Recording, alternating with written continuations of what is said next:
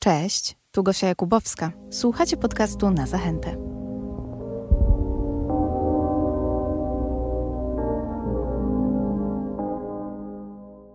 Panie Ignacy, widzi pan, ile ja tu mam notatek? Nie widzę, bo nie mam okularów. No właśnie, jest bardzo dużo. Bardzo dużo notatek, bo bardzo dużo się dzieje w pana twórczości, tak przynajmniej uważam. Ale zaczniemy y, może od tego, y, jakiej muzyki pan obecnie słucha. Ja w ogóle nie słucham muzyki. A to bardzo ciekawe. No, to znaczy, jeśli, jeśli słucham, to kolegów. Kolegów, Naj, czyli? Najchętniej Joachima Mencla. Mhm. Jakoś tak nie zostałem wychowany z muzyką, więc po prostu, no jest mi to obce. Ale rytmika w pana pracach się pojawia. O, rytmika. Może tak. Może rzeczywiście są niektóre obrazami muzycznymi, można by je tak nazwać, ale, ale no jakoś tak nieszczególnie rzeczywiście słucham muzyki, naprawdę. Bo wie pan, y, jednak mimo wszystko muzyka z matematyką y, mają jednak elementy wspólne. Muzyka z matematyką? Pewnie tak. Oczywiście, że tak, ale też ze sztukami wizualnymi również. I no, matematyka jest królową nauk, więc jak gdyby zahacza o wszystkie dziedziny, również twórczości. Zaczynam od tego, ponieważ patrząc na Pana obrazy y, w przestrzeniach zachęty, mm, od razu pomyślałam o muzyce. To jest niesamowite, ale później dopiero zerknęłam na stronę internetową Zachęty, gdzie pojawiły się zajęcia dla dzieci, gdzie Pana obrazy można usłyszeć. Ja tak sobie teraz pomyślałam, że bardzo bym chciała usłyszeć muzykę, która pojawia się w Pana obrazach, ale za Chiny nie mogłam sobie wyobrazić, co to za muzyka by była.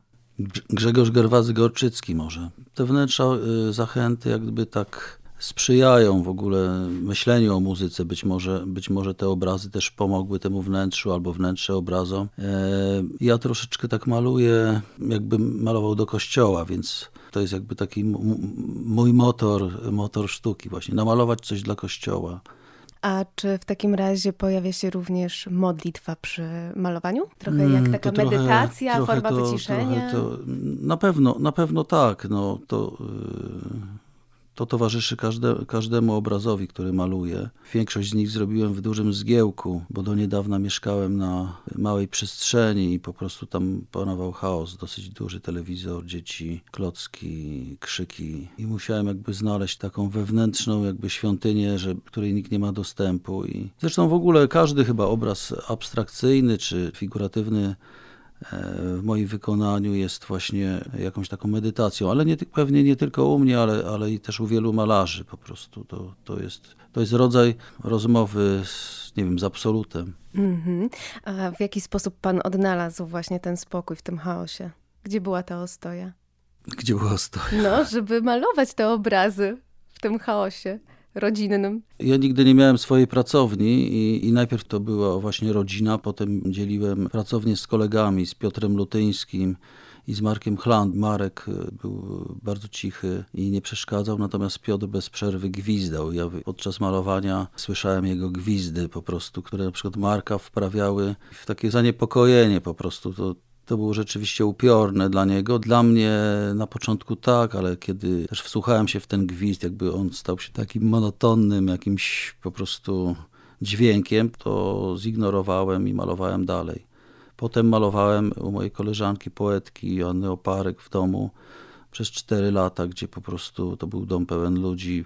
Za plecami miałem mnóstwo ludzi przychodzących, odchodzących, jedzących, palących, gadających, więc po prostu pewnie niewielu mi uwierzy, ale te takie obrazy, które może są najbardziej takie katolickie, czy jakby takie religijne, no powstały właśnie w takich warunkach. O ironio by się chciało powiedzieć. E, natomiast e, tak zaczęłam od tej muzyki, ponieważ e, i nawiązałam do matematyki, ponieważ uważam, że ta symetria i ten rytm przewija się oczywiście nie tylko w tych abstrakcjach, które pan maluje, ale także w tych obrazach figuratywnych. Przecież jak mamy autoportrety, czy nawet te portrety trumienne, to one zawierają ten rytm i symetrię. Tam się pojawiają, oczywiście mamy koła, różne figury geometryczne, no ale mimo wszystko ta matematyka jakoś chyba we krwi u pana. O tak, tak, tak, tak, chyba tak, ale ja na matematyce się zupełnie nie znam. Moja mama była nauczycielką matematyki, siostr, tata fizyki. Ja Jakoś tak odpadłem od tego, ale Być może mam ją zapisaną w DNA jakoś i, i, i może właśnie jakby podświadomie e, na tych obrazach to widać. Ale nie tylko e, figury geometryczne, e, ponieważ spotykałam się z opisami, które mówiły o tym, że oprócz tej kolorystyki, chwilami chłodnej, e, możemy odczuć spokój. No ja patrząc na te wszystkie obrazy, czułam pewnego rodzaju niepokój. Czy to no, dobrze, czy źle? Nie wiem, no malowanie obrazów jest jakby takim balansem między dobrem a złem. Być może coś tam jakieś zło się wkradło do tych obrazów i to niepokoi, albo może niektórych niepokoić dobro też, prawda, bo jakby stoją po stronie zła i tym się karmią. Ja, ja się staram jakby po tej dobrej stronie, ale no to bardziej, nie wiem, czy mi się udaje. Bardziej chyba ta refleksja na, na temat zła tutaj przemawia, że faktycznie y, Pan w swoich obrazach nie stroni właśnie od podjęcia trudnych tematów, trudnych, które dzisiaj byśmy mogli podciągnąć pod polityczne nawet, ale także i właśnie te duchowe. E, oczywiście Memento Mori się tu przejawia razem z tańcem śmierci, czyli ta barokowość. Dużo kwestii, które się łączą i nakładają. Może ostatnimi laty, no wiem, jakieś może 10 lat do tyłu, jakoś może, może 15, to wtedy zaczęło się dziać. Ja zacząłem łączyć e, dwa światy, w których żyłem. Jeden to było malowanie abstrakcyjne, kontemplacyjne. Po drugiej stronie stała ilustracja, dzięki której żyłem i mogłem malować po prostu. E, I w pewnym momencie te oba światy, ten powściągliwy, abstrakcyjny sposób malowania połączył się z, właśnie z gadatliwą ilustracją i powstały te obrazy e, najnowsze, na których przedstawiam malarzy, moich jakby takich antenatów, e, mistrzów, antenatów malarskich, mistrzów. No i takie obrazy historyczne, które są jakby odpowiedzią na na przykład na artykuły, które przeczytałem w polskich gazetach, czy na na niemiecki film, sytuację, którą zastałem na stadionach piłkarskich. Jakby to połączyć, stało się w ostatnich czasach sprawą polityczną dla niektórych. Dla mnie nie, ale jestem rzeczywiście e, od jakiegoś czasu określany jako malarz polityczny. Najpierw byłem malarzem abstrakcyjnym, a polskim? malarzem mala...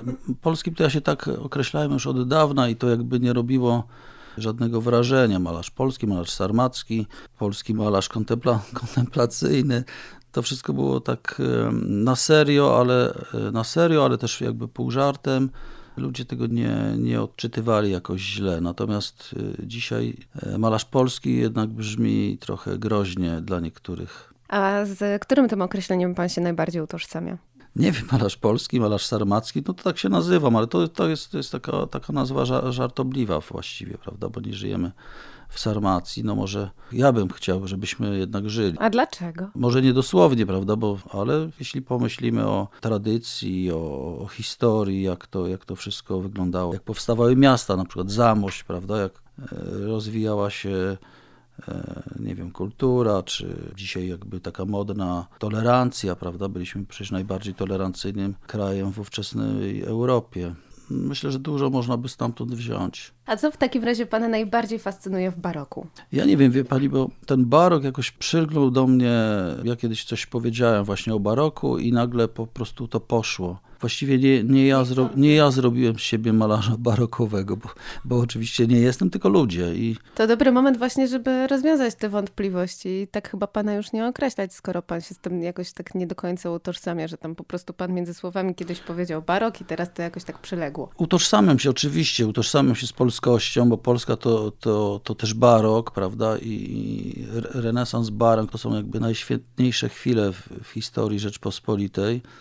Rzeczpospolitej obojga narodów i chyba to mnie jakoś tak fascynuje. Moje malarstwo też wyrosło z portretu trumiennego, z takiej fascynacji właśnie tym zjawiskiem, które właściwie jest e, po portretach z Fają chyba jakby pierwszym i takim jak, jakimś takim na, naszym rodzimym wynalazkiem. Ono promieniowało też na tereny ruskie czy pruskie. Mnie najbardziej w tym interesowało to, że ten portret właśnie jakby zawiera elementy z ikony, czyli którą ja traktuję jako taką przestrzeń do życia niematerialną i elementy sztuki zachodniej, czyli ta postać, która należy do tradycji Zachodu, czyli Polska była wtedy, to znaczy i jest kulturowo między właśnie światami, czyli między Zachodem a Wschodem. Może dlatego jest taka niewygodna, prawda, i trudno, trudno do zrozumienia. Właściwie bym wolał mówić o takim sarmackim baroku, ale, baroku, mhm. ale takim baroku z ducha, a nie z, z formy, prawda, bo mhm. przecież ta forma jest całkiem inna, jest bardziej może abstrakcyjna czy ikonowa, natomiast raczej z ducha. Nie? Taki ses. To jest taki dziecięcy sen o potędze. I myślę, że to moje malarstwo właśnie łączy te dwa e, światy. Tę blachę cynkową, która jest światem niematerialnym, która ta osoba nieboszczykowska, w której jeszcze nie jest, i, i ona jest właściwie też tak zawieszona między właśnie żywymi, patrzy na żywych, a, ty, a jak się odwróci, już będzie w świecie kontemplacyjnym, czy w niebie, albo w piekle. albo w czyśćcu. Albo w czyśćcu. E, no tak, a jeżeli chodzi w ogóle o postaci, które pan prezentuje, już tak trochę odchodząc poniekąd od tych, od tych portretów trumiennych, to zauważyłam, że e, pana obrazy są płaskie. Trochę mi się to kojarzy z takim dziecięcym rysunkiem, który malujemy, jak jesteśmy mali, i jest to pewnego rodzaju dla mnie przynajmniej element zaskoczenia, ale te wszystkie postacie są jakąś taką formą komikową. Mm, one są płasko malowane i, i cienko. Tak, i cienko. I Jakby były z papieru te postacie. Albo słabo. Albo słabo malowane. No to też wynika jakby z takiej tradycji na przykład ikony, prawda? Bo twarze staram się, żeby były właśnie takie malowane w miarę przestrzennie, natomiast resztę, resztę ciała, czyli ja to nazywam koszulką w przedstawieniu e, Matki Boskiej, jak patrzymy na Matkę Częstochowską, ona jest albo ubrana, albo nie. I właśnie to, co to srebrne, tą blach, srebrną blach grawerowaną, ona ma, to jest koszulka i właściwie zostaje tylko oblicze, czyli dłonie i twarz w najnowszych obrazach. Staram się troszeczkę właśnie jak gdyby od tego odejść i no nie wiem, to, to się miesza cały mhm. czas. Raz tak, raz tak. W przestrzeniach zachęty jeszcze przez jakiś czas mamy szansę oglądać e, Pana prace, e, które tworzą pewnego rodzaju spójność, bo pomimo tego, że każda sala dotyczy trochę innych tematów, to mimo wszystko one są spójne swoją formą, a także i przenikają się te tematy. Mm, pojawiają się po prostu na Pana obrazach, także twórczość innych artystów, do których pan nawiązuje. No między innymi e, Nowosielski, Fiałkowski, Wrublewski, tak? Tutaj na przykład mamy tulipany, ten pomarańczowy, piękny obraz. Niestety jego tytułu nie pamiętam, który jest e, w samym centrum pana obrazu, a był w wykonaniu jednego z malarzy, którym pan się inspiruje. Yy, no Może tak, pan pamięta jest... tytuł tego tak, obrazu, tak, bo ja zapomniałam. Tak, taka robota na wiosce. Tak, tak. To jest cytat z mojego kolegi profesora Grzegorza Sztwiertni. Tak się wyraził o twórczości profesora Nowosielskiego w, w artykule Adrianny Prodeus w 2013 roku. No, myślę, że to dobry tytuł. Tytuł mojej wystawy w Zachęcie też jest zaczerpnięty z hejtu na stronie Zamku Jazdowskiego. Czasami lubię właśnie posługiwać się cudzymi przemyśl tak, przemyśleniami. Tak, ja tak nawiążę do tego tytułu, tylko że to jest taki dosyć ciekawy pstryczek w nos i hejterom, i krytykom, bo y, pana jakby to w ogóle nie ruszało. Ta krytyka i hejt w internecie. No tak, no tak, no tak. To jest też tak, że ja chyba y, przez prawie 30 lat y, wchodząc po tej drabinie e, sztuki to mnie zahartowały. Odnosiłem jakieś małe sukcesy, ale nie dawały mi w ogóle jakiejś takiej pozycji w świecie sztuki, ale powoli, powoli było coraz lepiej i, i, i w momencie, kiedy, kiedy ta moja sztuka czy moja postawa zaczęła niektórych uwierać, wtedy ja już byłem odporny na ich szturchanie czy pstrykanie w nos. Warto też być nieugiętym, bo jeśli się raz obierze jakąś tam drogę i dąży się nią do celu, to nie warto jakby zbaczać e, gdzieś na bok i pod wpływem właśnie jakiejś, jakiejś krytyki, czy jakichś takich po prostu, nie wolno się przestraszyć po prostu. Ja myślę, że, że będzie jeszcze wie, wiele jakichś takich hejtów, ale to pewnie każdy malarz od, nawet Jan Matejko przecież znosił różne połajanki. Ta wystawa jest spójna dlatego, że ja na samym początku swojej drogi twórczej e, obrałem taką drogę, w której chodzi o stworzenie własnego języka, który później będę mówił. I to jest tak, jak uczy się dziecko literek, potem się składa te literki, potem powstaje wyraz, potem się dokłada drugi wyraz, potem jest zdanie, ze zdania się robi opowiadanie, z opowiadania dobrze jest, jak się przechodzi do poezji, wtedy jest super. I, no i tak ja, ja staram się do tej e, poezji do, dochodzić w tym swoim malowaniu, natomiast skoro malarz e, mówi tym samym językiem, no to niezależnie jaki, jaki podejmie temat, to nie musi wtedy podpisywać obrazów swoim nazwiskiem, bo wiadomo, że to robi ten, a nie inny. To wrócę jeszcze do innych obrazów pojawiających się u Pana, ale także i różnych cytatów, na przykład Śmierć jest mistrzem y, z Niemiec, czy też Jestem y, też w Arkadii. To też jest nawiązanie do poezji, to też jest nawiązanie do innej sztuki. No tak, Śmierć jest mistrzem z Niemiec to cytat z Pola Selana z wiersza Czarne Mleko ponieważ e, Selan był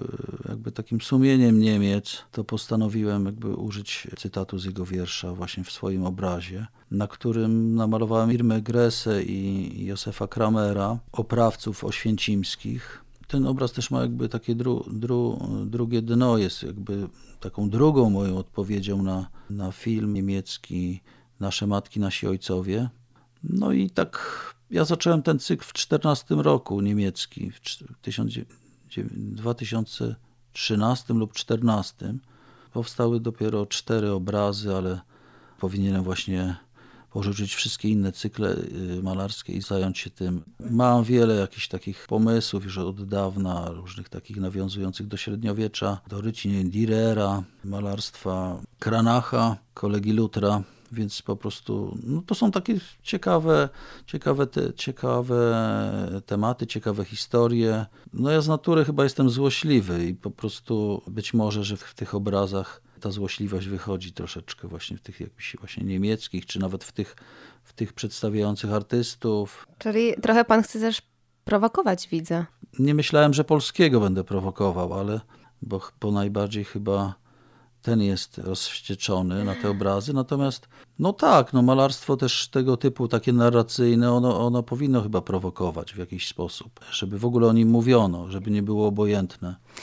Bardzo e, też intensywnie myślałam przed naszym spotkaniem na temat tego, jak wygląda współczesna e, sztuka. No właśnie nie może barokowa, o tyle i nawiązująca do e, religii w jakiś sposób też, do tego przemijania, o którym uczyliśmy się tyle na lekcjach języka polskiego, a także i historii. Jak ważne jest w ogóle powracanie dzisiaj do tego, co już było przedstawione w sztuce, sztuce, czyli między innymi właśnie na przykład do tych portretów trumiennych, e, do, e, do tych różnych nawiązań religijnych. Mm, jak można dzisiaj współcześnie tym zaskoczyć widza? Sztuka sakralna jest, jest, jest bardzo ważna, bo, bo, bo ogląda ją chyba największa ilość widzów e, i ona powinna właśnie nie być taką, jaką jest, czyli wiesz, myślę też o architekturze, myślę, myślę o, o wnętrzach, o malarstwie, o, no, o designie całym kościołów, prawda? Nie, dzisiejsza jest odcięta całkowicie od, od tradycji, od, od korzeni, jest jakby taką e, kiepską repliką, nie na poziomie, nie na poziomie, a sztuka sakralna, kościelna zasługuje na najwyższy poziom. Albo ma czerpać po prostu z wzorców najwyższej jakości. Nie zawsze malarz jest wybitny, prawda, ale jeśli, jeśli posługuje się jakimś takim kodem, powiedzmy, że barokowym czy gotycki, gotyckim i robi to e, z przejęciem, no to wtedy w takim kościele, na przykład wiejskim, czujemy się dobrze, prawda? Lepiej niż w jakiejś świątyni nowoczesnej. Pytam się o to, ponieważ kiedyś sztuka sakralna była tą jedną, jedyną, e, która była obecna w społeczeństwie. No, mowa tu oczywiście o, o zamierzchłych już czasach, no bo średniowiecze, renesans i barok. Była tym głównym filarem sztuki, gdzie e, i zarówno osoby e, wykształcone, jak i też i ta sztuka lokalna, która się pojawiała, nie wiem, w małych e, wsiach, miasteczkach, gdzie każdy rzeźbił na przykład w drewnie albo coś malował, to one jak najbardziej nawiązywały do e, sztuki sakralnej. Dzisiaj mm, mamy już tyle rzeczy, o których chcemy opowiadać, że ta sztuka sakralna oczywiście pojawia się, ale jednak e, już nie jest tym głównym nurtem. Przypomina Pan o tym, że ta sztuka nadal jest, no ale to nie tylko ja, bo przecież wiele realizacji sakralnych miał Jerzy Nowosielski, prawda? Najlepsze realizacje w XX wieku w Polsce i nie tylko w Polsce. Jest to odpowiedź właśnie na to, dlaczego, dlaczego warto nie niszczyć zabytków, nie niszczyć dziedzictwa, z którego właściwie nasza kultura współczesna, nawet ta ateistyczna, czerpie, prawda? Także to to są jakby takie korzenie sztuki współczesnej, ta sztuka dawna. Jeśli się odetniemy od korzeni, no to, to zostaniemy po prostu w pustce i tyle. Uschniemy. Chciałam jeszcze zahaczyć o tą symetrię, która się pojawia w obrazach i trochę asymetrię, bo zauważyłam, że niektóre rzeczy, e, i jestem ciekawa, na ile to jest kwestia przypadku, a na ile e, było to zamierzone, że niektóre obrazy mają tę symetrię, a niektóre e, tą symetrię mają zachwianą. Czy to tak to by, miało być? To wynika z natury chyba. Ja, mhm. ja, ja sobie przypominam taką, taką, taką rozmowę jeszcze na studiach w latach 90. ktoś właśnie mi zarzucał, że właśnie maluje sy symetrycznie i profesor wtedy powiedział, wiesz, no bo on taki jest. Po prostu jest taki ciosany po prostu, taki prosty, na, na wprost do widza. I, I, rzeczywiście jakoś tak po prostu czy rysuje, czy maluje, zawsze, zawsze to ma właśnie takie, jest oś obrazu i coś po bokach, prawda? I czasami właśnie też trochę myślę o tym i jak się zdenerwuję, to właśnie zrobię coś jakby na przekór temu, prawda? Jakby w, w kontraście nie jest sprawa taka równomierna, raczej, raczej jakby zwycięża natura i te obrazy właśnie, właśnie są takie na wprost, symetryczne. To są też takie jakby wynikające na przykład... Y, to na sam koniec powiedzmy, na jakim etapie pan jest teraz? Y, tego tworzenia zdania, jakiegoś opowiadania, czy już pan dochodzi do momentu poezji? No, trudno powiedzieć, mam 57 lat zaraz, także może, może tak się zbliżam do, do tej poezji, ale, ale też się tak boję, żebym nie został jakimś gra, poetą grafomanem, bo wielu teraz takich. 57 lat dla malarza to już tak trochę, może nie, nie tyle co dla piłkarza 22, ale, ale myślę, że ja jestem cały czas chyba na starcie, tak mi się wydaje, że, że cały czas jakby aplikuję. Takie mam poczucie, że, że to dopiero początek. No zobaczymy. I tego się w takim razie trzymamy. Dziękuję bardzo za spotkanie. Ignacy Czwartos był dzisiaj z nami. Dziękuję bardzo.